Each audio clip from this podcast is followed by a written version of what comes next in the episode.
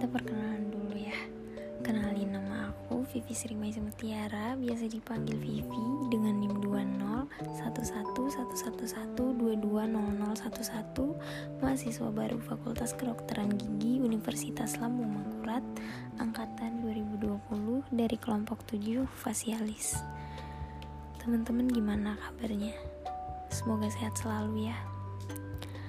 Nah, kali ini aku pengen cerita-cerita lagi nih sama kalian kita malam ini cerita tentang organisasi. Kali ini tuh aku mau bahas tentang DPM dan BEM Fakultas Kedokteran Gigi Universitas Lambung Mangkurat. Kalian tahu gak sih kepanjangan dari DPM itu apa?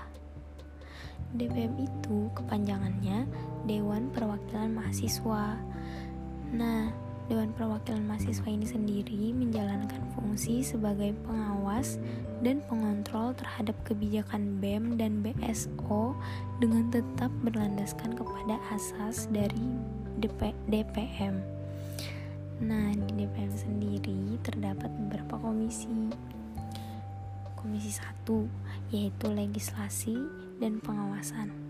Komisi ini melaksanakan fungsi pengawasan dan pengontrolan terhadap kebijakan, kinerja, program kerja, anggaran dana, dan laporan pertanggungjawaban akhir dari badan eksekutif.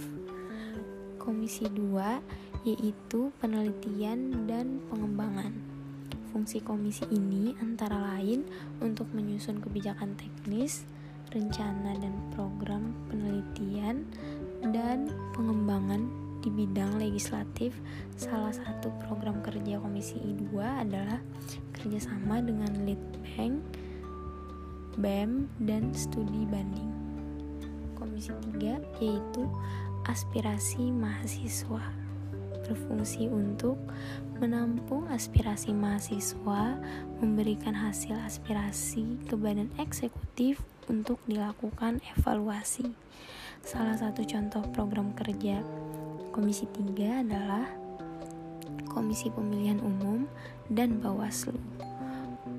Lalu ada komisi keempat yaitu hubungan antar lembaga berfungsi sebagai penghubung jika terjadi perbedaan persepsi dari masing-masing BSO menjadi pengawas terhadap seluruh kinerja BSO.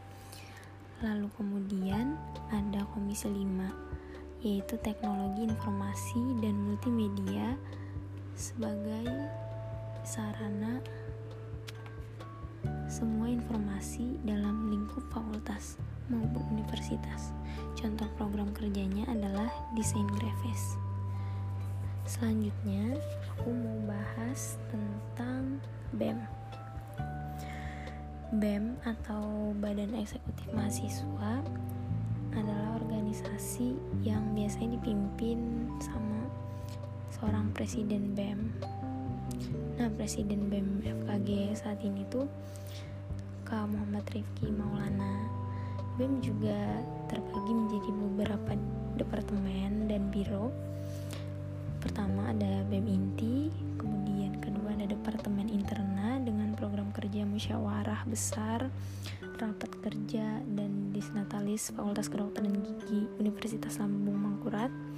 Yang ketiga ada Departemen PSDM atau pengembangan sumber daya manusia mahasiswa program kerjanya seperti PKKMB dan LKMMTD. Kemudian yang keempat ada Departemen Pengabdian Masyarakat atau Pengmas dengan program kerja salah satunya yaitu bakti sosial atau FKG Mengabdi. Selanjutnya ada Departemen Eksterna contoh program kerjanya yaitu Dentin. Lalu kemudian ada Kastart yaitu kajian strategi dan advokasi. Salah satu contoh program kerjanya ialah Mandibula. Lalu yang ketujuh ada Departemen Infocom. Salah satu program kerjanya yaitu pengelolaan website Fakultas Kedokteran Gigi ULM lanjut yang ke-8 ada Biro Litbang atau penelitian dan pengembangan program kerjanya adalah kajian organisasi mahasiswa. Lalu yang terakhir yang sembilan yaitu Biro Danus atau Dana Usaha.